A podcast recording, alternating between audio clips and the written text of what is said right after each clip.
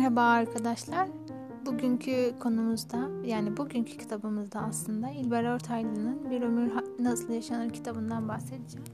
İlk olarak bir ömür nasıl yaşanır? Bir ömürde katmamız gereken şeyler, e, ileriye dair konuşmamız gereken, ileriye dair yapmamız gereken şeyler nedir? Onlardan bahsediyor İlber Ortaylı.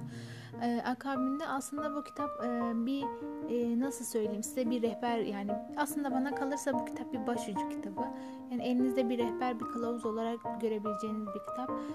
Öncelikle şun, şöyle bir giriş yapıyor. İlber Ortaylı belli bir yaş dönemlerinde yaş aralığı aralıklarını insanın doğduktan yani aslında doğduktan değil kendini bilmeye başladıktan ergenlikten yani yaklaşık 15 yaşından 65 yaşına kadar olan evreleri 4 e, kategoriye ayırmış.